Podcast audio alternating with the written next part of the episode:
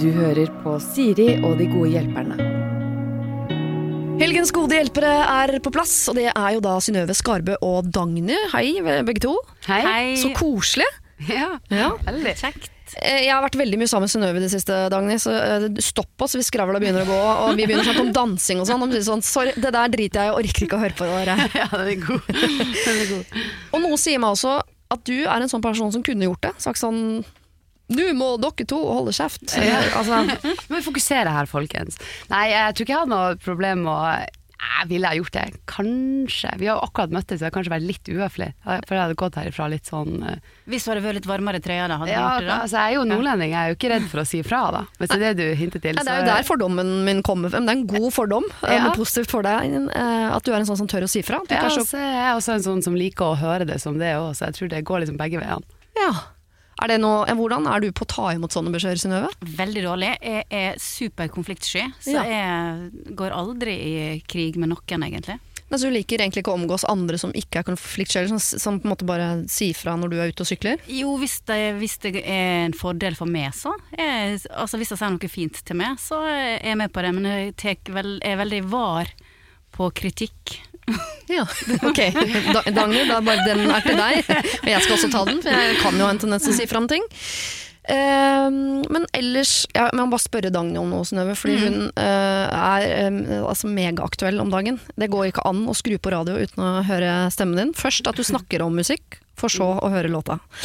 Uh, fortell. Hvordan står det til? Hva skjer? Nei, det står, det står bra til. Eh, nei, jeg har jo gitt ut album, da. Første album. Det tok bare ti år, eller noe sånt. Men er det ikke Så- det du gjør nå?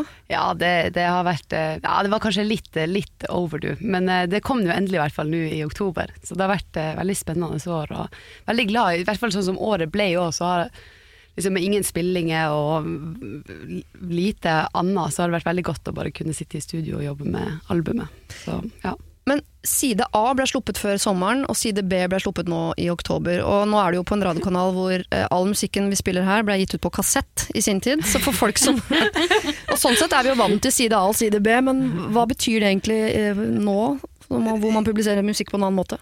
Ja, nei, altså det, det var jo Jeg vokste jo opp med kassett, så jeg husker jo hvordan det var å faktisk snu kassetten. Og så har du jo vinyl òg, der du snur, snur vinylen. Så det var vel litt sånn Jeg bestemte meg ganske tidlig for at jeg skulle dele albumet opp i to, for at det var et sånn helhetlig konsept på hele albumet, men det føltes ut som at det var to eh, to sider av fortellinga. Um, der første halvdel var liksom om den lykkelige tida i forhold, og andre halvdel var om, om den um, bruddfasen. Da. Um, og så tenkte jeg at det var et fint lite sånn eh, nikk da, til kassett og vinyl, og, eh, for oss som har vokst opp med det. Ja. Så da ble det sånn. Da ble det sånn, ja. Og du Synnøve, er det noe du driver med nå for tida? Du gir ut podkast en gang i uka som jo eh, Norge trykker til sitt uh, bryst. Eh, men du danser jo ikke lenger. Har du fylt det vakuumet med noe spennende? Nei, jeg hadde nå satt av hele høsten, jeg. Ja. Det. Du har ikke en plan før i desember? Nei, det hadde jeg ikke trengt å gjøre. Eh, nei da, nå er det tilbake til vanlig hverdag med pod og jobb og ja. Ja. Det er ikke noe spesielt nytt og spennende, nei, siden sist. Så du har fortsatt en eh, trist, eh, tom følelse inni deg etter dansinga? Ja, jeg har litt kjærlighetssorg ennå, ja. Ja. Må innrømme det. Men det går har gått seg til. Altså, jeg, det er ikke slik at jeg våkner med en klump i magen. Men jeg klarer fortsatt nesten ikke å se på sendingene. Nei. Nei, jeg ser for litt sånn mens jeg står på kjøkkenet og dattera mi roper hva som skjer. Ja. Jeg ser på søndag morgen jeg, med spoleknappen sånn hardt inne. Det Hva anbefaler jeg. spoler over, da? Nei, det kommer jeg aldri til å si høyt. I hvert fall ikke foran en mikrofon. Jeg tror det var bare jeg som drev sånn her med spoling. Det er jo med det eldste trikset i boka er jo ikke se ting på TV hvor man kjenner noen som er med, for når de spør da så du på, hva syns du, kan du si Ja. beklager, det har jeg ikke sett. Nei, jeg har ikke sett det ennå. Ok dere, nå skal vi jo da eh, hjelpe andre mennesker. Eh, Her er lov å bruke enten, om man av en eller annen merkelig grunn skulle ha statistikk på dette, så er det selvfølgelig lov, men det er mest sånn eh, at dette har jeg vært gjennom, eller her føler jeg at, eller her tenker jeg at, osv. Første problem. Hei, Siri og de gode hjelperne. Om en uke skal jeg på hyttetur med fire venninner som alle er svært aktive på sosiale medier. Hver gang vi samles, knipses og filmes fortrolige samtaler og øyeblikk som deretter havner på Snapchat eller Instagram på løpende bånd. Selv er jeg den mer private sorten og vil helst ikke være synlig i disse mediene i det hele tatt. Og jeg har prøvd å si fra om det tidligere. Det skapte ganske dårlig stemning, og resten av gjengen forsto ikke helt problemet. Jeg ble nok oppfattet som litt sær og vanskelig, og lyktes heller ikke med å begrense bilder og videoer av meg på deres sosiale medieprofiler. Jeg lurer derfor på, er det meg som er sær? Burde jeg slå meg til ro med at dette er en del av premisset for sosial omgang i 2020? Hvis ikke, hvordan skal jeg få fram mitt budskap eh, uten å skape dårlig stemning og oppfattes som vanskelig? Vi er alle i slutten av 30-åra, hvis det spiller noen rolle. Vennligst hilsen usosiale Unni. Er dette Jeg vet ikke hvor aktiv Nei. du er på sosiale medier, jeg kjenner meg faktisk veldig enig. For jeg er eh, også privatperson, og eh, har veldig sånne sperrer for litt sånn jeg holdt på å si gammelskolen, men eh, litt sånn der jeg kjenner at det, det finnes en veldig klar grense på hva som er, eh, er for offentligheten, og hva som er på en måte privat. da. ja. Um, men nå er jo da kanskje forskjellen her at jeg har også ganske mye venner som heller ikke er så veldig sånn der eh, Nå skal vi legge ut alt, liksom, som vi gjør. Sånn at det er sjelden at jeg sånn sett er i det problemet. For at hvis vi drar på hyttetur, eller hvis vi drar på stranda, eller hvis vi har middag, så er det veldig sjeldent at telefon kommer opp eh, em, for å liksom legge ut noen ting. ja. Uh, men jeg skjønner det godt. Jeg, jeg mener at uh, liksom jeg, jeg skjønner at det er veldig vanlig at alt skal dokumenteres og alt skal vises, og at, uh, at det er liksom og, og også som artist så kjenner jeg jo det her at, at folk som kanskje har forhold til musikken min, også at liksom fans da, nå Mm. til dags gjerne vil føle at de kjenner artisten. Så det er jo noe vi snakker ganske mye om, liksom. eh, at, eh, at det er en liksom naturlig del av hverdagen i 2020, holdt på å si. ja. Eh, men men jeg, jeg syns at eh, jeg at det må kunne gå an å gjøre ting uten at alle andre skal måtte involveres i det. ja. Men, Jeg er litt blanda på det. Du Synnøve er ganske Du er jo glad i å dokumentere ja, men jeg syns også at det er et skikkelig pes å måtte gjøre det. Ja. Eh, så dette her kjenner jeg veldig godt igjen, men jeg, jeg har sjøl vært den som har sagt sånn Kan vi bare ta nå ti minutter? Få det ferdig. Ta bilde, alt mulig. Ikke bare for å legge ut, men for å ha for minneboka. For det, du glemmer nå litt at det, du kan jo faktisk ta bilde og ikke gjøre noe med det, bare ha det liggende til seinere. Eh, og så legge vekk telefonen, for ellers så blir ikke det koselig hyttetur i det hele tatt. Eller hva med hvis eh, hun eh, Var det Unni hun heter? Mm. Ja. Hva hvis hun eh, bare tar og filmer deg i en, noen situasjoner de absolutt ikke har lyst til å få ut på eteren, og så bare legger det ut, så kan de få smake sin egen medisin? Ja, eller bare ha sånn der, filme dem i en litt sånn situasjon de ikke vil at du skal Ja. filme dem i, og så sier du sånn filter. Hvis du legger ut noe nå, Så har jeg skal jeg fortelle deg at da legger jeg det ut, det Ja. som jeg har på deg. Pressmiddel. Ja, pressmiddel. Hver gang noen går for å tisse, så kjenner de om døra er låst. Hvis ikke, Ja. så begynner de å filme. ja, kanskje det er det man trenger. En liten sånn smak av sin egen uh, medisin. Men hun vil jo ikke bli oppfattet som, uh, som vanskelig. Og jeg tenker Nei. Det kommer jo litt an på hvordan man legger det fram. For jeg er helt enig at Det hadde jo vært fint om man innimellom kunne ha en fest som dreide seg om at vi som er på denne festen, har det hyggelig sammen, enn at alle sitter i hver sin krok med mobilen. på en måte. Mm. Eh, Så kanskje du skal bare eh, være litt tydelig på sånn, skal vi sette av ti minutter nå? Mm. Ta noen fine bilder. Bli Jeg ferdig med det, og så kose oss. ja, og så være veldig på tilbudssida. Sånn, jeg kan ta bilde, jeg, Sånn at man passer på å være i, på riktig side av kameraet, som jeg liker å si. Ja. Og så si sånn, skal vi legge det bort nå, eller? Selv om dette høres ut som en gjeng som er så gira på å legge bort mobilen, men Men er ikke det rart da, hvordan man liksom drar på hyttetur for å være sosial med de man er sammen med, og så skal liksom alle fokusere på å være sosial med liksom alle andre som ikke er der? Jo. Jeg er bare sånn, hallo, er det, liksom, det syns jeg er helt sånn paradoksalt. da. ja, dette prøvde jeg å ta opp på et russeforspill i 97. Da ble jeg nedstemt, for å si det sånn. Som den eneste uten mobil. Men jeg lurer litt på, er det klima i den eh, eh, vennegjengen der, og får de godkjenne det som blir lagt ut, eller er det liksom helt ufiltra ut? Jeg tror, eh, jeg, jeg tror det bare legges ut, jeg. Ja. Jeg tror ikke de tar det Det er litt mer plagsomt, Ja. når ikke du har kontroll sjøl på hva du gjør eller sier. Og enda verre for min del, jeg kan uh, sende på at jeg klikker litt på det med Snapchat, fordi jeg har ikke Snapchat selv, så jeg har ikke noe kontroll på hva som ligger av meg der ute. Og noen Mm. ganger når man er på fest, så liker jeg på en måte noe av eh, det fine med at vi samles i et lukket rom, er at man kan eh, drikke seg helt koko ned i kjelleren og gjøre fryktelig rare ting man ikke ville gjort ellers. Hvis jeg Mm. plutselig har lyst til å, å ta meg på overkroppen eller eh, danse reka eller altså, hva jeg nå måtte finne på, så er jo det for at vi i dette rommet Jeg kjenner dere så godt at det syns jeg er gøy sammen Ja. med dere. Ikke på Snapchat. Orker Nei. ikke da møte Knut på Kiwi dagen etter og si sånn Så du dansa reka i bar overkropp i går? Det vil man jo ikke. Nei. Nei, men det er, det er litt uh, dumt å legge ned forbud med. Det, Kanskje hun kan liksom foreslå en helg at uh, du, skal vi, vi skal vi, uh, At hun inviterer til en sånn der mobilfri hyttetur, som er liksom hele poenget. Liksom, Nå skal vi lage, legge telefonen hjemme. Så kanskje alle får kjenne litt på at det kan være digg Ja. å være i lag uten å ha telefoner. Sånn at de kanskje får en sånn positiv opplevelse av å gjøre eh, Å ha ei helg der de ikke trenger å For det er jo veldig mange syns jo at det er litt mer stress enn de egentlig liksom kanskje skjønner helt sjøl, eller det de sier.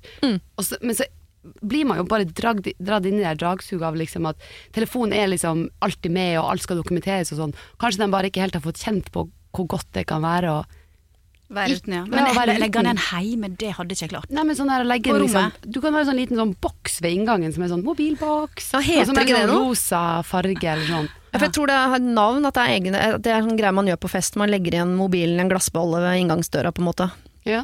Jeg tror Man kan jo foreslå det som en sånn eh, kul, ny greie for eh, Ja, bare på tanteklubben. Karpe, da. De har jo de greiene i Skien og da er det jo sånn her, du får ikke lov av med telefonene. Og det er jo en Ja. helt vill opplevelse, og dem som er der syns jo det er helt fantastisk, selv om de ikke kan ta bilder av alt som skjer der inne. Ja.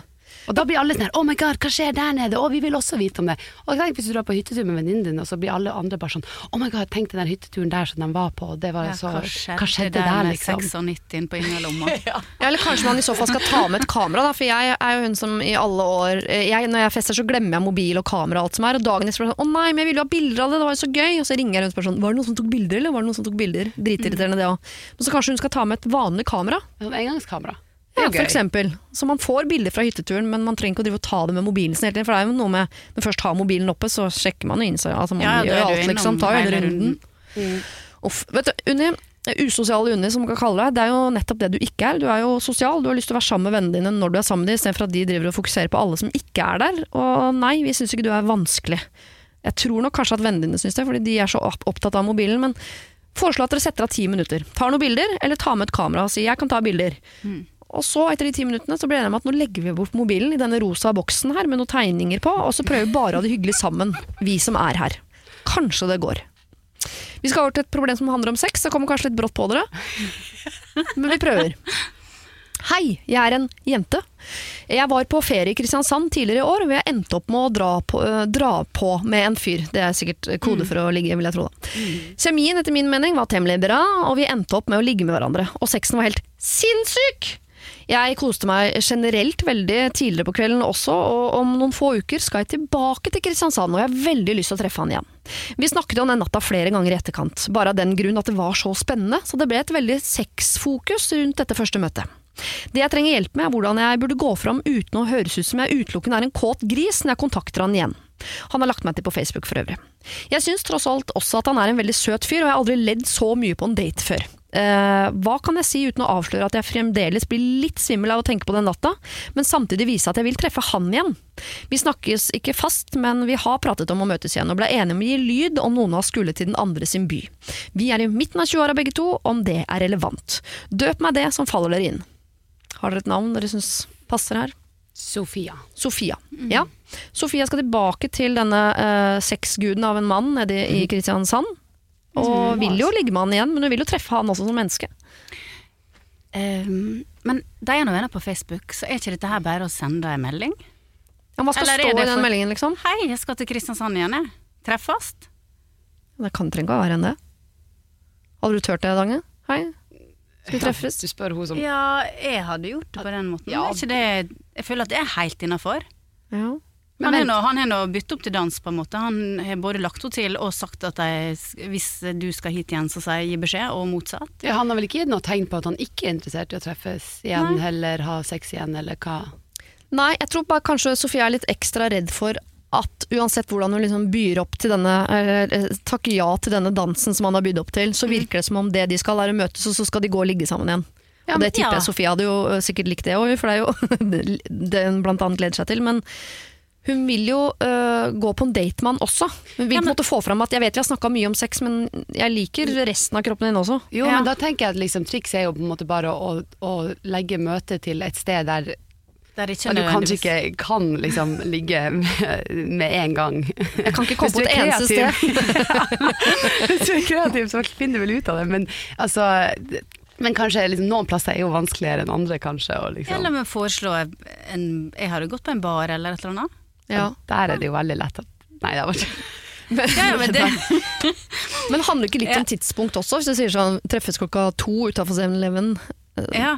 på natta, så det går jo ikke. Da vet man jo hva man ber om. Men Ja, hvis man kan treffes midt men- på dagen, gå en tur Jeg skjønner ikke hvorfor hun er redd for at han skal tro at hun kun vil ha sex. For det vil nå mest sannsynlig bare være en kjempebonus for han. Ja. Altså, at, men det du kan gjøre hvis du kanskje har lyst til å liksom skape litt mer bånd enn bare sånn sex, liksom, så kanskje istedenfor å være sånn ja, vi møtes på en bar og så drikker vi, så er det sånn du, skal vi stikke og spille bowling klokka tre, liksom? Ja. For det er jo gøy, og da får man ledd litt, og så får man liksom kanskje snakka om litt andre ting, og så blir det en litt sånn Det er jo ikke verdens mest sexy situasjon å spille bowling. Nei. Altså, sånn at da liksom Med mindre hun ser fingrene hans penetrere de små deilige hullene på den store sorte kula. Hun bare 'Å, herregud, få meg ut herfra'. Det er bare ta en kjapp titt ned på fottøyet, så mister du lysta. Det er sant. Ta en kjapp titt ned på fotøyet. Jeg tror bare hun stresser litt, Sofia, fordi jeg tipper de har snakket litt mer om sex enn andre ting. Så de har på en måte, deres relasjon er bygget på at de lå sammen, og så har de snakket en del om det etterpå. Hun har lyst til å på en måte Ja. også kunne snakke om andre ting, men det tror jeg handler om å øh, stikke og spille bowling, eller gå en tur, eller gjøre noe sånn dagslig du vise dagslysaktig. meg, meg Ja. Kristiansand? Ditt Kristiansand. Det er kode for kølle, det greiene der. Synnøve, det vet du. Vis meg ditt Kristiansand. Herregud. Nei da, Sofia. Eh, eh, dette kommer til å gå bra. Han har lagt det til på Facebook. Han har sagt at Han man skal gi lyd eh, når man skal til den andre sin eh, by. Dere er midt i 20-åra begge to. Dere er single. Dere har hatt det hyggelig sammen. Dere har ledd. Og du har jo litt lyst til å ligge med han igjen, så det gjør jo ikke noe om det skjer heller. Foreslå bowling, sier jeg. Mm. Ja, og fokusere på skoa hvis det blir for gærent. ok, noe litt mer eh, alvorlig. Okay. Hei, Siri med venner. Det er da dere, Synnøve og Dagny. Jeg har et problem som jeg syns er utrolig vanskelig å leve med, som jeg ønsker å dele med dere, og forhåpentligvis gjøre det litt enklere å forholde seg til. Jeg og samboeren min har vært sammen i fire år, og han har en datter fra før, som er tenåring. Eh, sammen har vi en gutt på to år. I starten av vårt forhold snakka vi så klart om det med barn, og jeg hadde, øh, og jeg hadde lyst på øh, hvor mange osv., og, så og han var veldig åpen for flere barn. Samtidig så var det ikke et problem for han dersom det ikke ble flere barn. Da gutten vår kom til verden, hadde jeg noen venner som spøkte, eller gjorde de det, om at vi måtte kjøre på med en til. Dette fortalte jeg til kjæresten min, samtidig som jeg ga uttrykk for at dette ikke var helt aktuelt akkurat nå. Men når jeg skulle snakke med kjæresten min om kid nummer to, så var han veldig tydelig i sin tale på at han ikke skulle ha flere barn. Da var gutten vår nesten et år. Jeg forklarte han at jeg ønsket to, eh, helst mange, men eh, jeg tar stilling til at han har en datter fra før også, så jeg går med på bare én til. Han sa at nå har jeg to barn, og det holder for meg. Det er jo bonus for meg at han har en datter fra før, men hun blir jo aldri min datter, og det kan ikke sammenlignes med egne barn. Og så klart er jeg veldig glad i henne, misforstå meg rett, men han mente også at det var for tidlig å i det hele tatt tenke på det. Så pratet vi om det en gang til, etter en stund, og vi fikk oppklart at jeg eh, kunne vente en stund til. Han trodde jeg ville kjøre på med det samme, noe jeg ikke ønsket selv, og forklarte, eh, jeg forklarte han da at mitt sterkeste ønske var å få ett barn til, eller eh, ja. Han mener at vi kan vente og se for å få litt kjærestetid sammen og bli ferdig med oppussing i huset som snart nærmer seg ferdig. Han ser altså på, også på andre familier som har to tette barn og syns det ser veldig stressende ut. Og det er jeg enig i. Og det har jeg fortalt han. Men det eh, han ikke kan gi meg svar på, eh, er om vi kan kjøre på med en til. Altså at det blir tre barn for han da. Og om han blir med på det. Det skal sies at jeg kan vente til gutten vår blir både tre og fire, jeg, altså, men jeg må ha et svar. Jeg vet ikke hvordan jeg skal forholde meg til det at han ikke ønsker seg flere. Jeg vil jo ikke forlate han heller eh, om jeg ikke skal ha et barn til, men jeg vil ha et barn til, jeg vil ha det med han. Og jeg er kjempeglad i gutten vår, men jeg kjenner nesten på et tap over at jeg ikke får et barn til. Eh, det skal sies at vi samarbeider godt med alt som har med gutten vår å gjøre, så han er en ganske enkel kid å forholde seg til. Eh, det har han alltid vært. Det jeg lurer på, skal jeg godta at han ikke kan gi meg et svar på dette, om det blir et barn til, før om et år eller to eller tre? Og om svaret da skulle være nei, hva gjør jeg da? Kall meg Kari, kall kjæresten min Ola. Mm. Og dette her er en velkjent eh, problemstilling. Ja, Ja, han har jo de to barna han vil ha, Ja. kanskje til, kan ikke svare helt. Men um, hun vil gjerne ha et svar nå, Ja. og det tror ikke hun kan forvente av han. For jeg tror at for han så må dette her modnes på en annen måte enn for hun. Damene vil ofte bare peise på når du vet når du, ungen er blitt såpass gammel at uh, du er over kneika, så har du bare lyst til å få ha mer. Uh, men jeg tror at hvis hun uh, skal beholde han, og det vil hun, Mm. så må hun rett og slett ha is i magen. Og vente til han er klar, for jeg tror han blir det. For han kommer også til å se verdien av at sønnen deres får eh, At ikke det blir to ene barn på en måte han har. For han, eh, hvor gammel var den eldste? Hun det var jo står ikke. var- var- Jeg var, var hun stor? Ja, tenåring. at- tenåring. ja. Mm. Så det blir på en måte å ha to kull. Eh, men jeg er helt sikker på at han også kommer til å se verdien av et søsken for han minstemann. Hvis hun ikke maser for mye, Ja. vel å merke. For da blir det Det tror jeg blir som en stein i skoen i det forholdet. Ja, det er vanskelig, for at hun, hun poengterer jo at det her er noe som hun syns er vanskelig å liksom, på en måte leve med, skriver hun nesten en del liksom, i begynnelsen der. At det, det er jo tydeligvis noe som Så det, det er klart at samtidig som hun må ha is i magen, så er det jo Det er jo litt som å si den der konstante frykta for liksom Hva hvis vi kommer tre år down the line, og så bare Og så vil han. Så vil han virkelig ikke. Ja. Nei, og det er der jeg, For jeg tenker, hvis han Jeg ser for meg at han egentlig tenker nei. Jeg orker ikke en unge til. Og det er helt streit. Mm. Men så orker han ikke å svare. Så han bare, du vet sånne ting man ikke vil svare på. Det sier man sånn Ja, eh, ikke nå, jeg tar det senere. Ja. Mm. Og akkurat det syns jeg er litt dårlig gjort. Fordi hvis det er sånn at hun ikke klar, Hun kunne kanskje slått seg til ro med et nei. Men når det er et sånn vet ikke, kanskje, ja, Ja. nei, så klarer man jo ikke å slappe Da lurer man jo på det hele tiden. Går og lurer på det hele tiden, lurer på det hele tiden. Ja. Og så har man tenkt kanskje sånn å, nå har jeg ikke spurt på to uker, jeg har vært kjempeflink, for jeg har hatt lyst til å spørre hver dag. Jeg har ikke spurt på to uker. Jeg spør, og så tenker han, å herregud, spør du igjen? Mm. Så du mener også at hun bør få et svar? Ja, enten så må uh, han kunne gi Hvis han ikke har det svaret, så kan man jo ikke be om det. Det er det som er så vanskelig. Men uh, ja, kanskje hun må lage et svar inni hodet sitt som er ja, hvis, hvis jeg ikke får et barn til, så er det greit, det òg. Ja, det er akkurat det. Jeg mener at hun må Hun må kunne se for seg det scenarioet at det bare ble én unge, og det går fint an. Jeg har bare én unge, det, går helt, det er helt topp, selv om jeg skulle ønske at jeg hadde flere. Så tenker jeg at det, det går godt an å leve med, men hvis hun er så keen på en til som det virker, så tror jeg at hun ikke kan presse han på det. Ja, altså, det er jo brutalt å si det, men fakta her er jo at hun kanskje på et eller annet tidspunkt må bestemme seg for om hun har mest lyst å være med han, heller om Ja. hun har mer lyst å få en unge nummer to, og da må hun kanskje eh, se henne til noe annet, da, eller noen andre. Og det jo, høres jo helt brutalt ut, men altså, fakta er jo at du kan jo ikke du, du kan jo på en måte ikke tvinge noen til at, at man skal ha en unge til, og, og det er jo på en måte realiteten. Sånn at hun må kanskje eh, bare komme til terms med at eh, hvis hun har lyst til å være sammen med han, og han ikke vil ha en unge til, så må hun kjenne på om det er nok for henne, liksom. Mm. Men det er så, så vanskelig, for det er så mange ting man kan si sånn Ja, dere må uh, komme til et kompromiss, møtes på midten. Ja. Det er jo det man ofte skal i et forhold. Ja. Men hvis den ene vil ha et barn og den andre ikke vil ha, så er det er ikke noe komp hva er kompromiss? da? Er det en ikke katt? Eller Ja. altså Ja, kanskje det er trikset. Prøv å få noen katter i huset, så bare Men en ting hun i hvert fall kan tenke på hvis hun blir fordeppa, det er at den sønnen har et søsken. Mm. Uansett, om ikke hun er mora til vedkommende, så har i hvert fall har de hverandre. Mm. Til tross for aldersforskjellen og alt dette her, men det kommer til å være en verdi i det uansett, når han blir eldre. Ja, og så syns jeg det er noe fint på det, men det sporet du er inne på, Dagny, i forhold til um, hun, nå, hun, nå vet hun jo hva hun har. Nå har hun jo dette ene barnet med han. De bor sammen, og det er et ekstra søsken der. Hvis hun fortsetter å mase, så kan hun jo miste hele greia. Hvis du, altså Hun mister jo ikke alt, men da kan det jo være at det blir eh, det som gjør at han ikke orker mer. De går fra hverandre. At det jaget etter noe, Ja, det- noe enda mer gjør at det bare At hun ødelegger det hun har, da. Ja, og Ja, da må hun ha en halvparten av tida. Og det er jo liksom noe også med at, at holdt på å si, det er jo mange som sikkert kan kjenne seg igjen i det. Altså, nok selvfølgelig det her med barn eller ikke barn, er, barn er jo en, en veldig stor greie, liksom. Men, men altså, det føler jeg jo egentlig at generelt i livet, at alle liksom kan alltid bli litt bedre på kanskje se hva som er, de har, og sette skikkelig pris på det. Altså det kjenner jeg jo, det kan jeg, jeg har jo ikke denne situasjonen eh, som hun snakker om her, men man har det jo kanskje med mange andre ting i livet. da. At man kjenner å, skulle jeg egentlig ønske at jeg hadde sånn eller gjorde sånn, eller å tenk hvis jeg bare hadde fått det til, eller bla. Men da kanskje glemmer man litt å se, som du sier, det man faktisk har. Og hun har jo liksom, selv om altså Hun har jo en liten familie, da. Ja, ja. Det, er, det er ganske stort, liksom. selv. Jeg har en brannfakkel her. Hva hvis hun lurer han, da?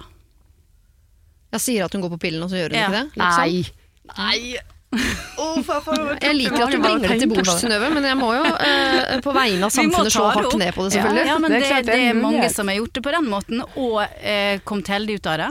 Ja. Men, men kanskje det liksom viktigste er at hun snakker litt med han. Altså, jeg, vet ikke, jeg husker ikke om hun sa at de hadde snakka mye om det, men kanskje gå litt inn på hva er det som gjør at han plutselig kjenner så sterkt på at han ikke vil. For at, altså, alle, alle vet jo, sier jeg som ikke har noen unger, alle vet jo at den der småbarnsfasen er jo veldig heavy, og det, alle sier jo i hvert fall det at, at de første årene av et barn sitt liv er jo ekstrem, og også for forholdet. Sånn at det, det er klart, det er jo litt sånn tilbake til det hun sjøl sier, at det er jo en risk å ta liksom å vente, men altså Det kan jo være at han bare akkurat nå, ett år inn i denne ungen sitt liv, kjenner at vet du hva, det siste jeg vil akkurat nå, er å få en unge til. Ja. Og det betyr jo ikke at, at han blir Nei. å føle det samme om tre år. Sånn at jeg tror det egentlig, i en sånn her setting, så kommer det bare ned til at god kommunikasjon, og så må man kanskje på et eller annet tidspunkt bestemme seg for å komme til terms med hva enn man bestemmer seg for å komme til terms med, og så må man nesten bare se hvordan det utvikler seg. For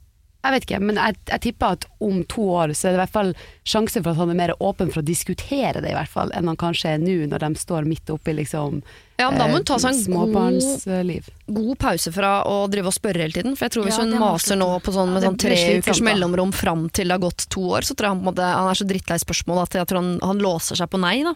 Ja. Og så, eh, selv om det er liksom ty- pynteputaktig å leve i nuet, så er det noe med eh, Hvis hun setter pris på det hun har, så det kan forsvinne. Jeg har alltid vært veldig sånn forkjemper for eh, å ikke skulle drive og pøse på med flere unger. Ikke fordi ikke eh, jeg er glad i barn og jeg syns småbarnsfasen er, egentlig er utrolig hyggelig og jeg ser verdien av å ha søsken og alt det der, men ikke på bekastning av. Jeg var veldig tydelig med min mann når vi skulle ha nummer to. Sa sånn, jeg, vi kan godt ha nummer to, han vil veldig gjerne ha to barn. Jeg vil he egentlig helst ha ett. Det er stygt å si nå som de lever begge to, men eh, det, sånn, jeg vil heller ha deg og dette barnet. Ja. Ha, er det nok kjærlighet mellom oss til at vi kan lage et barn til? Og, og det, jeg, må- jeg må bare vite at, at du blir, for jeg vil heller ha deg og ett barn enn to barn annenhver uke. da. Mm. Ja. Men uh, han lovte meg det greiene der, da, så da kjørte jeg Ja, på. Men, gikk og det gikk jo bra. Ja, foreløpig går det bra. Ja. ok, hva skal vi, uh, Hvis vi skal dra safta ut av dette Selvfølgelig, Uh, Du har brakt noe på bordet der, Synnøve, som handler om å, å lure han. Det har ja, det var bare, det, bare tek, tek, tek det ut av lufta. Det Alternativet Det fins. Vi må tenke gjennom det også. Ja, det Absolutt. Ja. Det tipper jeg hun har gjort også. Ja. Eh, men ellers må du slå deg helt til ro med det du har nå, Kari. Så må du da klare å leve med at det kanskje blir nei den dagen dere tar det opp. Men jeg tror det viktigste du gjør nå, er å ikke mase noe mer. Vente, og så be om et tydelig svar om Skal, vi sette en dato, eller? Om et år, eller? Ja, men kanskje sånn 22. september neste år eller noe sånt. På bursdagen til Märtha neste år? Ja, ja. ja. Jeg tror det. Jeg du du ikke det? Jeg tror 22. september, jeg tror det. Kanskje Ja, 21. det- Jeg Husker det er en sånn fin 22 er litt sånn lykketall, så da gir vi jo litt sånn ekstra Ja. 22. september 2021, Kari. Mm. Da må Ola svare. Men si det til Ola, han må vite når må ha det i kalenderen. 22. september neste år, da tar vi en avgjørelse på om jeg eh, slutter på pilla eller ikke. Og så i mellomtida så kan den bruke litt sånn ekstra tid på liksom Bruke liksom tid på å pleie liksom kjærligheten seg imellom og gjøre hyggelige ting, og kjenne at det her også Med oss fire, da, Ja, så ja. kan det også bli veldig fint. Bruk liksom kapasiteten din på det koselige med kjæresten Ja. og den ungen som er der, istedenfor å liksom hele tiden skulle videre, videre, videre. Jeg tror Ja. man kan bli litt koko av det, altså. Vi skal til et juleproblem, syns dere det er litt tidlig, eller? Nei, nei, nei. Nei? Nei, altså. Folk har jo begynt å tenke på det, dere har sikkert begynt å tenke på det allerede. Hvor skal jeg feire jul i Ja. år, og med mamma eller pappa, eller ja. Altså En gang var jeg i Asia i begynnelsen av september. Da var det allerede julemusikk på alle butikk, i alle butikkene. Shit. Ja, vi har Så drukket det- julebrus i hvert fall tre uker nå. Nei, er det sant? Ikke sammenhengende, altså, men altså, vi har bytta ut Pepsi Max-en på fredager med julebrus. Er det da brennende julebrus, eller hva er det dere går for? Jeg går for den med blå kork, uten, uten sukker, som står ved inngangspartiet på Kiwi. Aner ikke hva Ja. det heter. Den er glassflaske. Nei, papp, holdt jeg på å si. Nei, Ja, Tenker du du nå? Ja, ja spylevæske er det du drikker. Sorry, jeg blander. ok. Kjære Siri og det. Her kommer det et tidlig juleproblem. I sommer fant familien min og jeg ut at pappa har hatt en affære i en lengre periode, altså tre år eller noe mer. Han har vært utro før, for mange år siden, men den gangen konkluderte jeg med at alle kan gjøre feil. Nå har det skjedd igjen. Ikke bare en glipp, men en langvarig affære med en kvinne jeg og resten av familien kjenner godt til, og da er det ikke lenger en feil man bare gjør, men et valg man tar. Jeg har reist tilbake til studiestedet mitt da dette kom frem i lyset pga. korona, og jeg har ikke vært hjemme siden dette var i sommer. Jeg har ikke snakket med pappa siden begynnelsen av august, og lurer på hvordan jeg skal forholde meg til han nå som jeg skal hjem til jul. Det blir en annerledes jul i år, og jeg kommer til å måtte tilbringe mye tid med familien. Særlig fordi jeg må, enn så lenge, være ti dager i karantene når jeg først kommer hjem. Pappa bor fortsatt hjemme, selv om det enda ikke er avklart hva som skal skje med han og mamma framover. Jeg mener derimot at han har fått nok sjanser, det har vært en god del løgner de siste åra samt egoistisk oppførsel fra han, og ser helst at de går fra hverandre. Søsknene mine bor fortsatt hjemme, og ettersom de har måttet forholde seg til han, har ikke de de samme problemene som meg. Jeg derimot aner ikke hvordan jeg skal forholde meg eller oppføre meg. Skal jeg ignorere han? Holde en overfladisk samtale? Hva gjør jeg med julegaver? Jeg får en klump i magen bare av å tenke på å skulle sitte rundt bordet på julaften og late som om alt er så fint og flott når det egentlig er en diger elefant i rommet som ingen tør å adressere. Tilleggsinformasjon.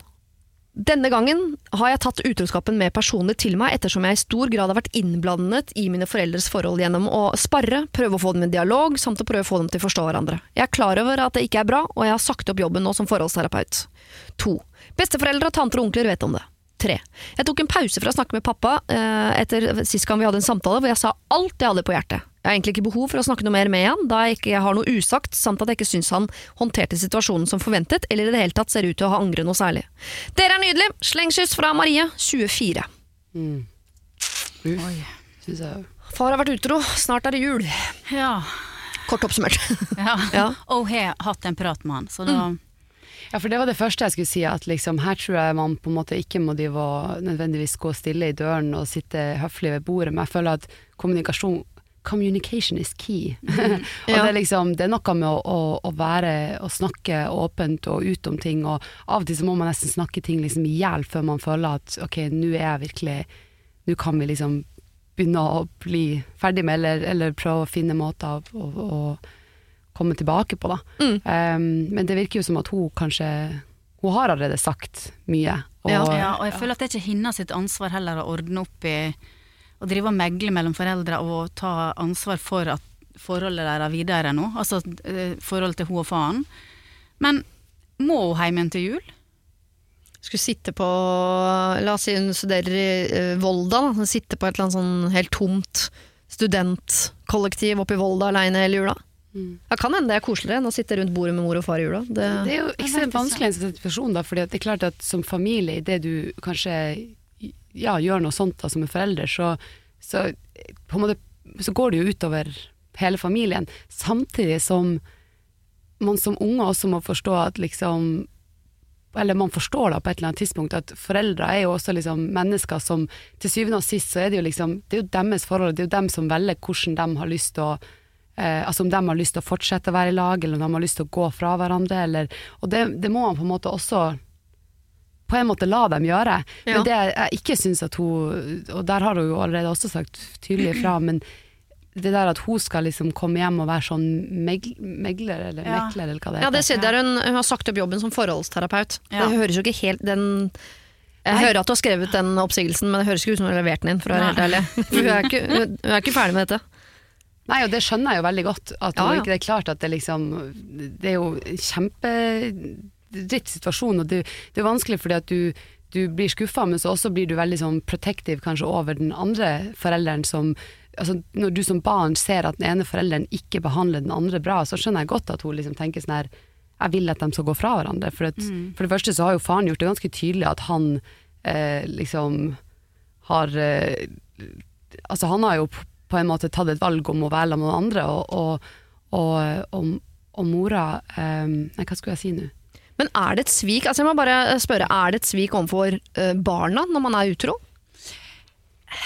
Ja, men det, det blir jo på en måte et svik fordi at du, du som barn eh, ser at den ene forelderen du blir liksom såra, og at den blir Vet du faen, det er det ikke det, Det er da? Men mor her har jo tydeligvis liksom Ja, eh, Mor har godtatt når det, det. Ja. Men hva er alternativet hennes? Hun kan enten reise hjem igjen og Mm. kjøre silent treatment hele jula. Ja. Det blir jo koselig. Eller hun kan komme hjem igjen og skjelle ut den ene etter den andre. Det blir heller ikke så veldig koselig. Det blir heller også utrivelig. Så jeg ser ikke helt for meg hvordan dette her skal bli en koselig jul. Ja, det blir ikke en koselig jul. Det tror jeg vi bare må eh, Det er et alternativ vi vi- tar av på Dette blir ikke koselig. Men hør, en ting er jo liksom å gjøre på en måte en feil, da, men når du liksom over lang tid har hatt et forhold, Ja. da vet du jo liksom hva du gjør gjennom hele den perioden, og da blir det masse løgn. Så, altså, når hun sa sånn, ja, hun syns ikke at faren har behandla mora noe bra, så føler jeg sånn, ok, det handler ikke bare om at han liksom har vært sammen med noen andre, men da høres det kanskje bare ut som det er en fyr som ikke nødvendigvis er så kul, da. Ja, men samtidig, Han har vært utro, og det er jo først og fremst et utroskap han begår overfor moren. Og hun Mm. Ja, sitter nå på andre sida av det bordet, hun gjør det Ja. hver eneste dag. Jeg synes bare det er rart at jeg, jeg kan ikke være hjemme sammen med pappaen min noen dager i jula når moren din, som er utsatt for den utroskapen, Mm. gjør dette hver eneste dag. Og jeg skjønner at det er Jeg ville kanskje droppa kjøpe julegave, og jeg skjønner at det uansett ikke blir en veldig koselig jul, men øh, du har sagt det du har å si til pappaen din, han vet hva du mener om den utroskapen. Jeg håper han har snakket med mamma. Jeg, hvis jeg var Marie 24, jeg ville kanskje snakket mer med mor. Jeg. Hva, Ja. Hvordan ser du Ja. for deg jula, mamma? Hva trenger du av oss? Er det greit for dere nå? Hvordan skal jeg oppføre meg? Kommer det, hvis, hvis vi har det hyggelig, er det egentlig fake, eller?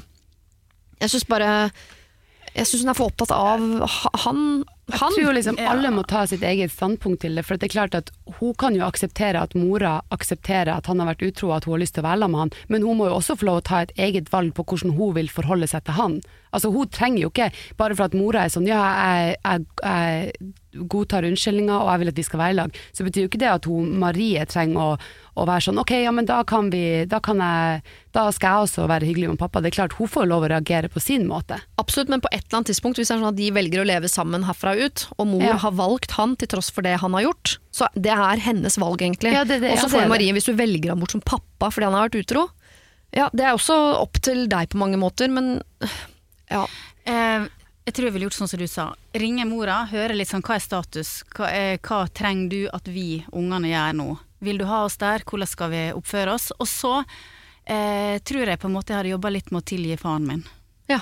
oppi det hele. For at eh, det er faren din uansett.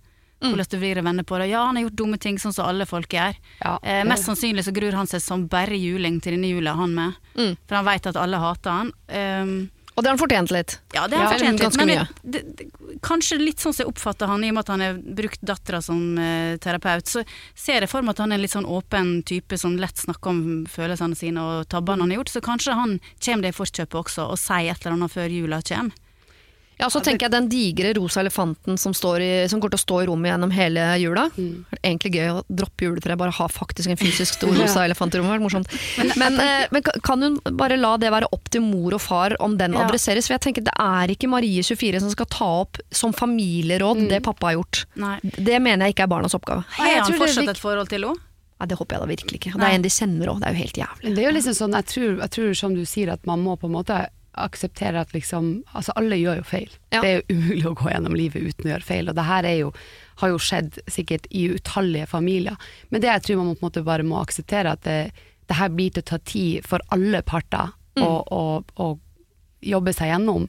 Men jeg tror liksom ikke at, at eh, Ok, så må man kanskje ha en liten sånn periode der man kjenner at man ikke har lyst til å ringe, og der man kanskje gir litt kalde skuldre og sånn, men jeg tror jo det viktigste er at man bare fortsetter å prate om det, og prate gjennom det, og også akseptere alle de forskjellige sidene i denne situasjonen, eller at man, om mor bestemmer for at hun har lyst til å være sammen med han, så må man liksom komme til terms med det, og, og man må selv kanskje ja, bruke tida på å liksom snakke ut. Jeg syns ikke hun skal droppe jula. Jeg tror kanskje Nei. det er viktigere enn noen gang at hun drar hjem til jul, og at de bare fortsetter å kjefte og smelle og gråte, og forhåpentligvis etter hvert begynne å klemme og blir venner igjen, da.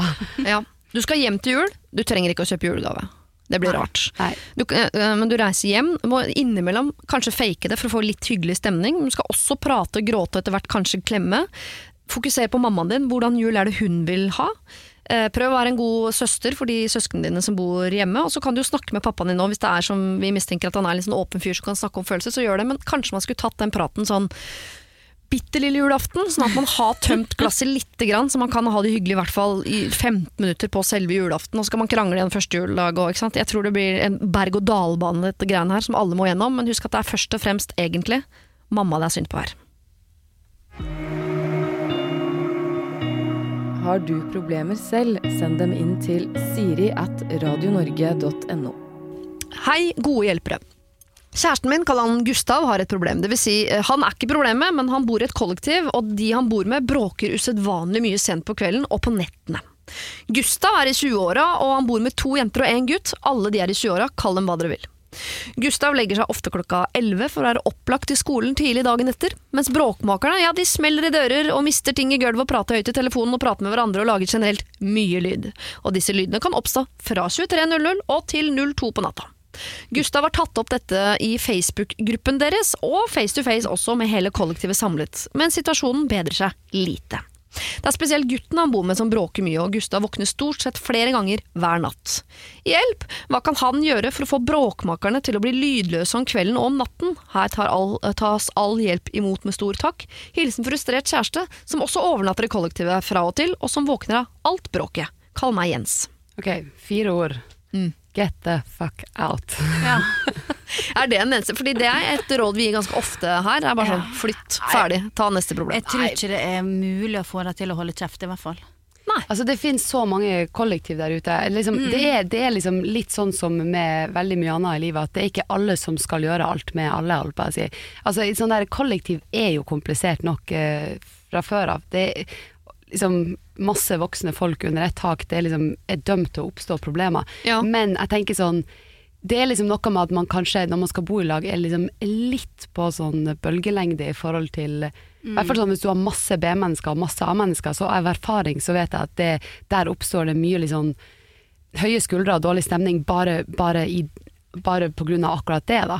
Ja. Men da tenker jeg liksom, det må da finnes For at hvis du sånn, det er avhengig av å bo i kollektiv for at du kanskje er student og har litt dårlig råd, og det er sånn, så, så må det vel finnes noen andre kollektiv der ute som kanskje også har lyst til å legge seg litt sånn Ja. Jeg vet ikke. Ja, for det er noen ting jeg tenker sånn Hvis du ikke liker bråk, så ikke bo i kollektiv. Nei, ikke bo midt i Oslo sentrum. Eller, da, ja, hvis, og hvis ikke du liker unger, ikke flytte inn i en sånn rekkehusgrend et eller annet sted 40 minutter unna en storby. Altså, det er noen ting som bare Det der har jeg tenkt så mange ganger. Folk som bor liksom på Vi hadde noen naboer her for uh, noen år siden som var sånn Bare virkelig ikke likte bråk og lyd. Og det var liksom sånn der Du gikk på gulvet, og så var det omtrent sånn derre Hallo, kan det bli ro her i husene?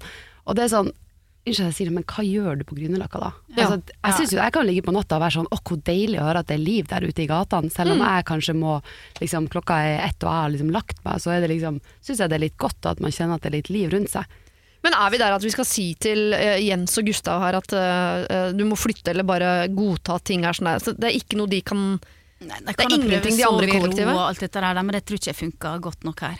Jeg tenker sånn, Det som er vanskelig her, er jo at han har jo på en måte allerede tatt det opp både på Facebook-grupp- Facebook-gruppa og Face to eh, face to face-gruppa. face. Og det er jo ganske mod, det er jo liksom litt modig av han å, Ja, å ta den. Samtidig så er det jo sikkert litt sånn for dem som kanskje Det er klart at det her, det her er der man får de der forskjellene i menneskene. Det er klart at for dem som har lyst til å liksom leve mer sånn på kveldene og kanskje ikke skal opp tidlig og sånn, så altså det, er bare, liksom, det høres ut som det er bare en dårlig kombo, da. Ja, jeg er jo frista til å si at de andre kan jo ta litt hensyn, men det er noe med hvis jeg hadde vært i 20 år og studert og bodd i kollektiv på Grünerløkka, så vet jeg ikke om jeg hadde giddet å holde kjeft etter klokka Nei, 11. Det må nei, jeg innrømme at jeg hadde syntes var litt vanskelig. Men jeg kunne latt være å smelle med døra, selvfølgelig. Ja, Ja. men jeg, jeg finn deg noen andre venner, tenker jeg. Her. Ja. Er ikke det det enkle svaret? Ja. Vi, altså, vi kan jo prøve å være kreative og tenke og se om vi kan komme opp med liksom kanskje Altså hva man kan gjøre. Eggekartong i taket, Ja, funker det fortsatt? ja. I don't know. Ja. Jeg, jeg liker eh, pågangsmotet ditt her, Dagny, at vi skal være kreative og sånn, men jeg heller mot Synnøve og sier sånn vet du hva, vi gidder, dette, gidder, det må bare flytte, rett og slett. Ja. Og Og Hvorfor det er ikke de samboere? Nei, jeg tror det er Jens vil høre. Det er akkurat det du sier der. At Ja. Han må flytte ut, og de må flytte sammen. Det er det Ja. Jens vil. Jens vil være samboer med Gustav, og han trenger at det er vi som forteller han det. Ja, og det er jo liksom sånn good, good for you at du klarer å være så eh, liksom eh, målretta at du klarer å legge deg klokka 11 for at du skal være opplagt til skolen. Det er jo Ja, Gud, shit, liksom, en fyr i 20-årene, liksom. Det er I wish I had a little bit of that, for å Ja, si det sånn. ja. Veldig, Men liksom, jeg tror bare at uh, liksom, der er det noen sånne elementære ting liksom, som bare Du kan ikke tvinge noen som har lyst til å være våken og sitte oppe til klokka to og legge seg klokka 11 for at det skal være stille. Du kan ikke tvinge noen som har lyst til å legge seg til klokka 11 til å være oppe til klokka to for at alle andre har lyst til å bråke. Det er liksom bare sånn Noen ting er bare sånn, vet du hva. Altså, ta det ved rota. Det finnes masse kollektiv med masse flinke studenter som har lyst til å ha en mer sånn eh, Liksom har lyst til å kjøre mer den der eh, legge seg tidlig og komme seg opp og sånn. Det finnes sikkert masse sånne kollektiv. Men da må du ha det i på en måte øh, Jeg vet ikke om det finnes Tinder for øh, øh, studentkollektiv, på en måte. Men altså et eller annet sted hvor man søker etter folk å bo med. og skriver sånn Det må være stille fra klokka 11. Og det er det noen som tenker sånn Ikke søren! Og så er det noen som tenker sånn Det høres fantastisk ut. Ja, høres det er ut. Da flytter de sammen. Men Ja. han bare overnatter med typen litt oftere, da? At han overnatter hos Jens, ja. Gustav Ja. hos Jens, Ja. For eksempel. I helgene, eller når det er mest bråk, og så er du hjemme på mandag og tirsdag, liksom. Ja, det er det Jens vil. Det er det eneste Jens vil. Ja, Eller bo jeg- sammen med Gustav. Flytt i lag. Ja, Live a little. Ja. Vi skal over på sosiale medier igjen. Vi har allerede vært der en gang. Vi skal tilbake. Hei, jeg har en venninne på 30 pluss som bruker så mye filter på bilder eh, at hun ser merkelig ut. Skal jeg si fra, eventuelt hvordan? Kanskje hun bare digger å se flat og rar ut, hva veit jeg. Hun kan hete Hilde, jeg kan hete Mia. Kort, konsist problem. Eh, Eh, nei. bruker du noe særlig filter på sosiale medier? Jeg, Synnøve? jeg har brukt mye, men Ja. jeg har fått så mye kjeft for det, så nå har jeg slutta. Ja. Eller i hvert fall moderert meg kraftig. Men de filtrene som ligger inne som sånn standard på Instagram, Ja. jeg tenkte, de, eh, er ikke det lov å bruke? Det er det jeg bruker. Lilla Subtle. Det er det beste. Men nå har det oppgradert seg, så nå har det blitt helt sikkert at du blir helt hvit og ser helt Hollywood-wife ut. Altså Spørsmålet er jo om du bruker de filtrene som skal få det til å se ut i gåseøya som om det er ekte, eller om du bruker de filtrene som er sånn enhjørnings, eh, liksom sånn kaninører og sånne ting, for da er det jo helt innafor. Da er det jo bare sånn ok, Ja. liksom, jeg kjører kaninørefilter, alle ser jo at det ikke Men hvis du har sånn filter der det er sånn Jeg prøver å bare fjerne alle liksom linjer og sånn. Er sånn. det FaceTune hun tenker på kanskje her? Ja, for jeg, det er jo forskjell på det. For jeg tenker sånn, De filtrene som ligger der som er sånn Å, nå fikk bare hele bildet en litt sånn gultone, sånn at høst så enda mer høst ut. Kjør Ja. på, herregud. Man uh, pynter jo maten om med ting som ikke gir smak, liksom. Men uh, hvis det er sånn at du går inn og, og sveiper over tenna så de blir hvitere, Ja. suger inn kinna litt så du ser litt mer sånn anemisk ut eh, da, da er vi jo over et landskap som eh, er litt mer problematisk. Men her Men eh, syns- bruker du noe som gjør at hun ser flat og rar ut. Ja, men jeg syns uansett ikke at det er noe du sier fra om. Ikke? Nei, og jeg, hva for det? Det jeg fikk får beskjed folk faktisk eh, en gang. For Jeg, bruker ikke så mye filter, men jeg kan sånn, sånn pushe farger litt og sånn. Liksom, sånn at liksom den, hvis du tar et bilde, og så var det en rosa jakken, så så den litt annerledes rosa, så kan man pushe fanget så det blir litt mer rosa. Men hvem var det som liksom- sa fra om Nei, det? altså, Søstera mi var sånn her, shit, ja, liksom, jeg brukte en sånn filter som av og til fikk det å se litt mer sånn der eh, Sånn, bare poppa litt mer. Ja. Så sa hun faktisk en dag ja, nå liksom, du ser at du har brukt uh, mye filter. Det var ikke noe sånn her Det var ja, bare så ikke sånn Stopp med det, liksom. Nei, det var ikke sånn her, du, nå over, du, nå overgjør du filteret her, men hun bare sånn, ja, der, hun bare poengterte det filteret da. Og da okay. tenkte jeg sånn, å shit, liksom, har jeg brukt så mye filter at alle har tenkt sånn, å shit, så mye filter du bruker. Det tror jeg ikke, men det var bare sånn, det var bare en litt sånn passing comment. Jeg tror ikke det var noe sånn oh, ja. ondt ment. Men da Men ble jeg veldig det- bevisst på det da. Ja, kanskje det er det Mia trenger å gjøre, Hilde. eh, Altså bare bevisst på det. For jeg får ikke helt tak på hva Mia, hvorfor det irriterer Mia. Er det det at, eller er det av kjærlighet til Hilde? Sånn, du ser rar ut, du burde kanskje ikke bruke det filteret. Jeg tror ikke du skjønner hvordan det brukes. Eller er det sånn, det irriterer meg at du prøver å gjøre deg penere enn det er. Ja, jeg, tror, jeg, tror ikke det, jeg føler at det er den siste som er grunnen til at hun har lyst til å si fra. Jeg Ja, du ser flat og rar ut. Jeg har sett liksom bilder der det er sånn her, du ser liksom ehm, du ser at her er det gjort et eller annet som gjør at det ser litt sånn unaturlig ut. Ja. Tenker alle sånn, så tenker sikkert alle, så ser man det er jo veldig tydelig ma, Altså, jeg kan se det veldig tydelig, men man blir bare litt sånn Oi, den personen som gjør dette? det, Kanskje ser den de si kanskje ikke det helt sjøl, da. Ja. Eh, men det her er jo ikke et Altså kan- si, det er jo liksom, selvfølgelig Hvis du går på Tinder og liksom all, Jeg har aldri vært på Tinder, så det her må dere gjerne liksom correct meg, men klart liksom driver du og manipulerer masse bildene der, så blir det jo kanskje litt sånn Når du da skal møte noen i virkeligheten, så er det sånn er det ett sted Kjente folk igjen, eh, liksom. ja. Da kan det jo bli vanskelig, liksom. Der burde Men- det være mer filter, spør du meg, på, på Tinder. Slipper å sveipe feil vei hele tida. Men jeg tenker, hvis, øh, hvis du Mia sier fra på en måte med kjærlighet øh, og et ønske om å hjelpe, så tenker jeg at du kan det. At- Og da kan du foreslå sånn Vet du hva, jeg har funnet et utrolig kult filter, det burde du prøve. Eller hvis du ser på litt sånn Du, få se på det bildet, så finere før filter. er litt sånn Jeg vil hjelpe deg for at det skal bli bedre for deg. Hvis det er sånn Jeg sitter her, jeg er borte i hjørnet mitt, irriterer meg hun venninna som, som later som hun ser så andre pen. Det må hun få lov til. Men det kan jo være at det her er noe som går litt dypere, da. Altså klart, ser du at noen redigerer seg sjøl veldig, veldig, veldig, så tenker jeg jo sånn Ok, kanskje liksom Kanskje det er et eller annet de syns er At de sliter liksom med selvbilde, eller at de har Altså sånn der type ting. Mm. Kanskje det er liksom verdt å ha en prat. Sånn, hei, du, hvordan går det, liksom? Eh, Ja, men da er det liksom over åpne den slusa, da. Kanskje, det liksom, kanskje hun har behov for å prate om et eller annet for at hun Jeg vet søren. Ja, men det. jeg tenker hvis man er over i sånn at man eh, redigerer, sånn at man ser tynnere ut, så man er med på å skape et annet kroppsbilde der, da tenker jeg sånn, da er vi over i, eh, i et sted hvor jeg syns det er verdt å ta tak i ting. Hvis jeg er sånn, vet du hva, jeg syns du burde bruke mer rosa filter enn gult, for jeg synes det, du er ikke så fin med gule filter, du er finere med rosa. tenker jeg sånn, Hvis vi skal inn i hverandres liv så på detaljnivå, liksom, det blir det slitt. Jeg ikke si fra til meg om de greiene der, jeg orker ikke å høre det. Nei. Og dessuten, når hun ser at venninna bruker filter, så kan jeg love deg det at alle andre med ser det. Så det er ikke slik at, hun, at det ikke, det er ikke slik at det er godt bevart hemmelighet. Alle ser forskjellen på en person i levende livet og noen med, som er filtrert. Ja.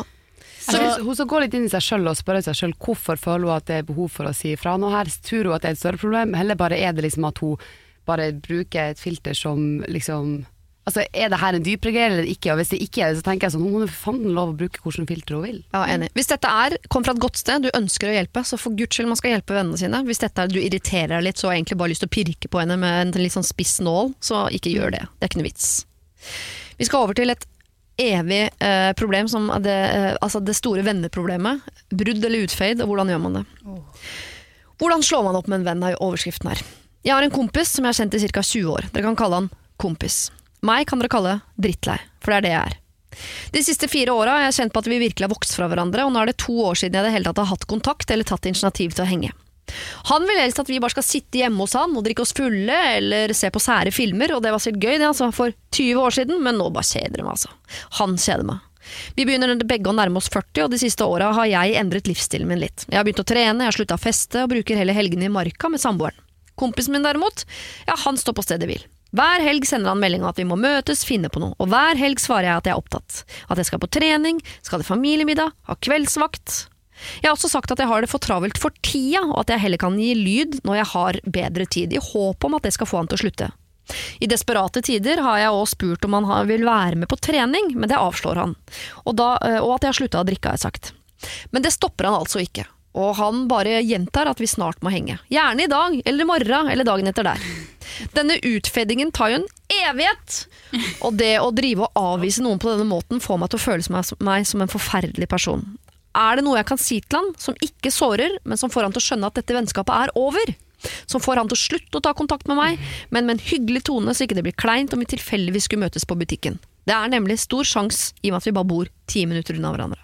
Jeg er ikke konfliktsky, men jeg har en tendens til å gå så hardt ut at jeg sårer folk unødvendig mye. Så hvordan skal jeg kutte han ut av livet mitt uten å nettopp såre han? Hilsen da drittlei.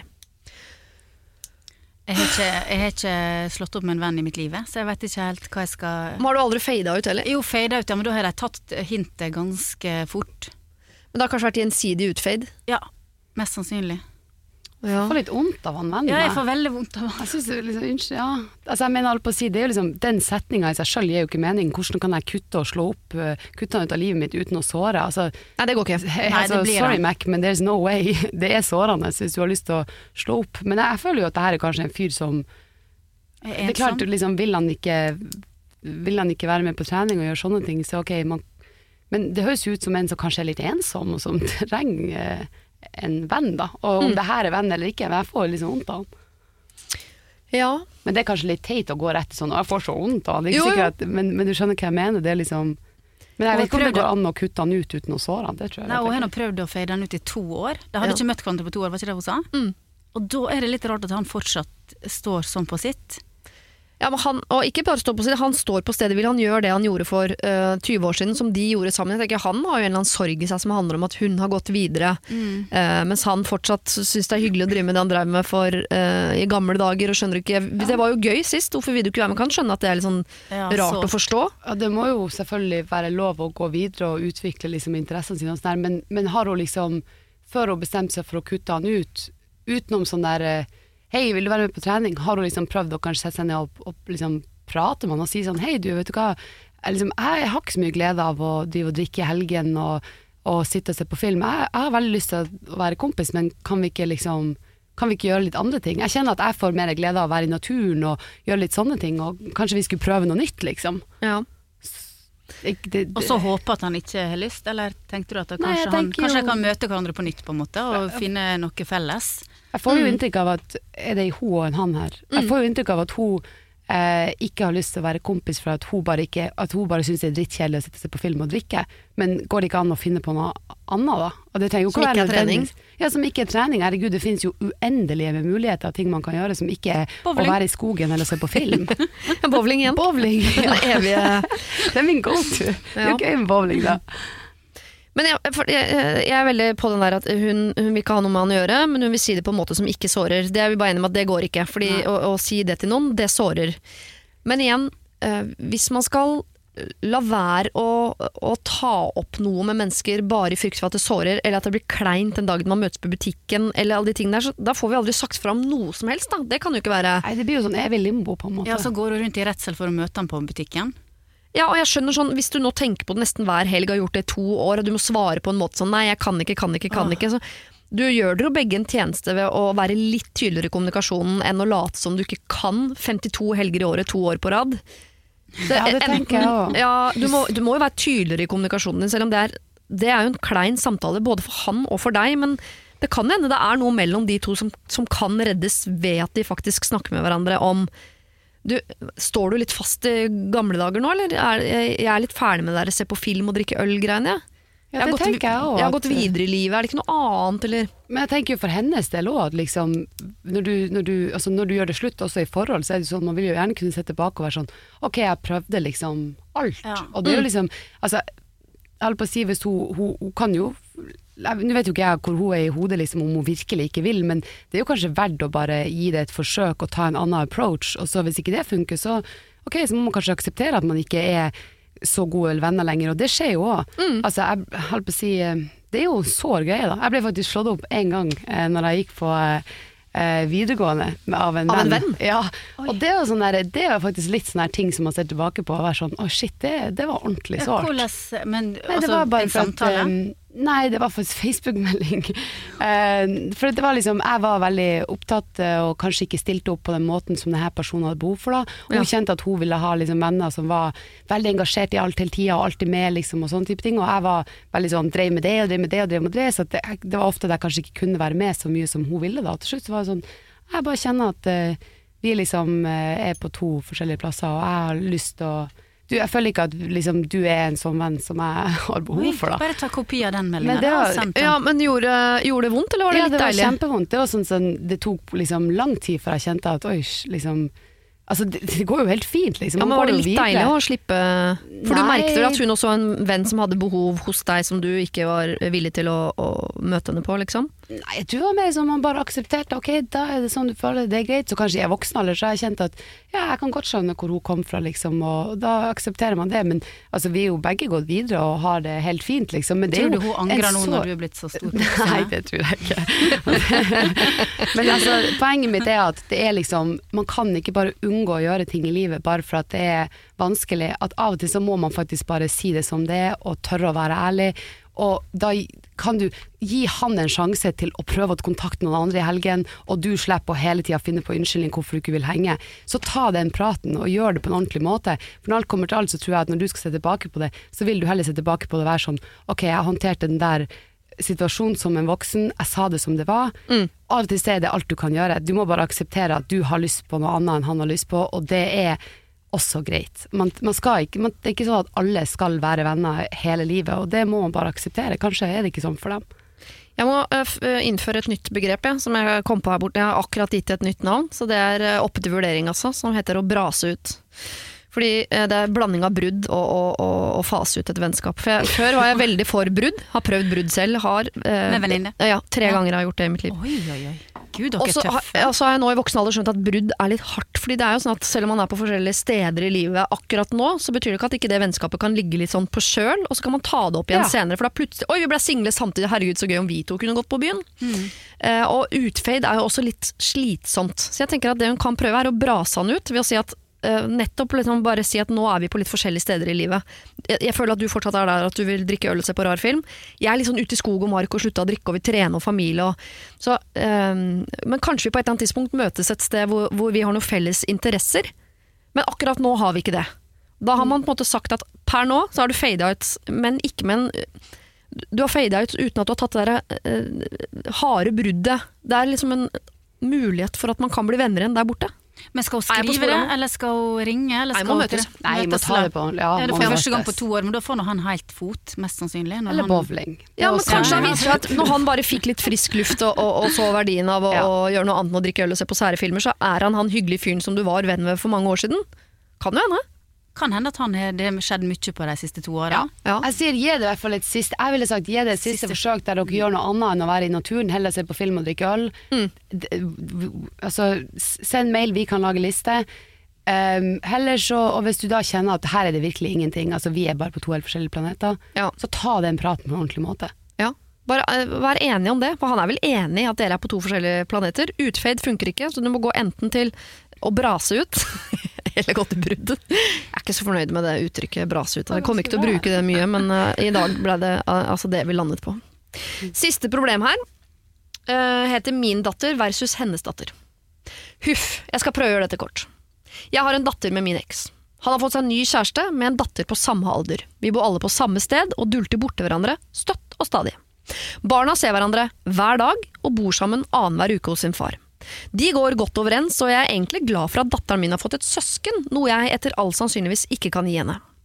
Det rare er at det er hele dynamikken ved at eh, hun, altså da den nye kjæresten, kjenner min datter, men jeg kjenner ikke hennes datter. Det føles som jeg ikke kjenner søsteren til datteren min. Og jeg har prøvd å foreslå at kan ikke hun sove her en kveld, eller kan ikke hun være med oss på turer, og... Men far her er han litt gammeldagse typen, ser ikke poenget. Ser dere poenget? Og en annen ting. Vi har meget ulik økonomi. Stadig er min datter lei seg fordi søsteren får ting som jeg ikke har råd til å gi henne. Og kjøpes noe den uken hun bor sammen med de, så får begge to. Altså. Men når hun er her, så sender jo moren bort sin datter, og så blir min lei seg når hun ser alt hun har fått mens hun var borte. Eh, altså Den andre jenta har da ikke en far, så hun bor sammen med eh, moren sin, og da eksen her 100 eh, Heller ikke her blir jeg forstått av min eks. Kan dere forstå? Hva skal jeg gjøre? Oi, hvor jeg forstår dette. Og hvor raus hun her er. Ja, er nå min første tanke. Jeg syns det er veldig raust og veldig bra av henne å tenke sånn. At hun klarer å se at ok, eksen min har fått seg ny dame og en ny unge som faktisk ser han mer enn deres datter. Mm. Så jeg jeg, Kjenner du at det, det vil du ha et problem med, sånn instinktivt? instinktivt ja, Ja. men jeg hadde nok tenkt det samme som hun her.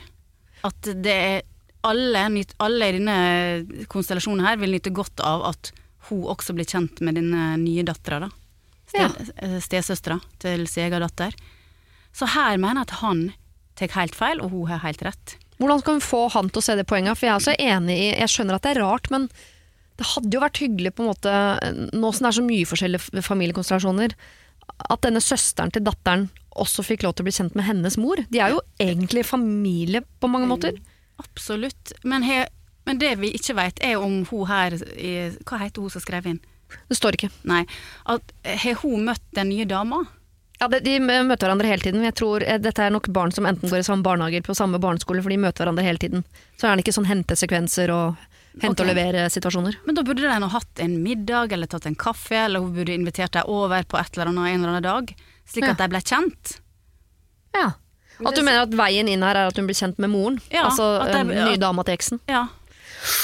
Ja. Ja, sa hun at hun hadde, sa ikke hun at hun hadde invitert eh, til overnatting og sånn, men det var kanskje bare ungen, det. Bare ungen. Ja, ungen, Ja, ja, for at mora ikke var med på lasset der. Nei. Det inviterer nye dame til eksen på overnatting. Den er spesiell. Jo, jo. Ja, Eh, nei, jeg skjønner. der Jeg, jeg, Hun høres jo raus nok ut til å være en sånn eh, person som også eh, ikke kunne invitert mora på overnatting, men i hvert fall på en middag, eksempel. Det høres ut som hun er over eksen og har akseptert at de er en ny familie. Mm. Og det, er nok, det forstår jeg er sårt for henne. Men, det Men- virker som at hun gjør en innsats, i hvert fall, for at det skal Men at det kanskje må komme litt den andre veien òg. Men kanskje, Kanskje hun sånn, skal kontakte den nye dama ja. og spørre? Ja, Kanskje det er eneste nøkkelen her, at de to mødrene eh, Fordi de må jo samarbeide også i fremtiden, og bare hoppe bukk over han der gammeldagse eh, fyren. Drit i han. Jeg syns de skal eh, arrangere en sånn eh, ut i skauen, sånn båltur eller noe sånt, men så bare med de to mødrene og to ungene. Ja. Ikke han, for da blir ikke han en sånn der eh, som de kan lene seg på, liksom at, men at de faktisk må liksom Bli kommunisere og bli kjent, da. Og det kan godt hende at denne nye moren syns er litt rart, men jo bedre de blir sendt, så er jo all sjalusi Det er jo alltid litt sånn sam man sammenligner, sånn som økonomien her, da. Sammenligner, litt sjalusi, og der er hun som var sammen med han før. Altså, det er nok, noe ligger liksom i, og ulmer her. Men eh, jo nærmere de to mødrene kommer hverandre, jo mer av det forsvinner til den dagen de kan, de kan feire Jeg tipper de feirer jul sammen, er 2025. Ja, og kanskje liksom Altså, ja, ja. Det burde være målet, i hvert fall. Eller nei, stryk det. Det er Nei, sånn det, er ikke et must akkurat at de skal feire jul i lag, men jeg syns at det er alfa og omega at de får en god relasjon. Mest Ja. sannsynlig skal de være i livet til hverandre i mange, mange år. Ja.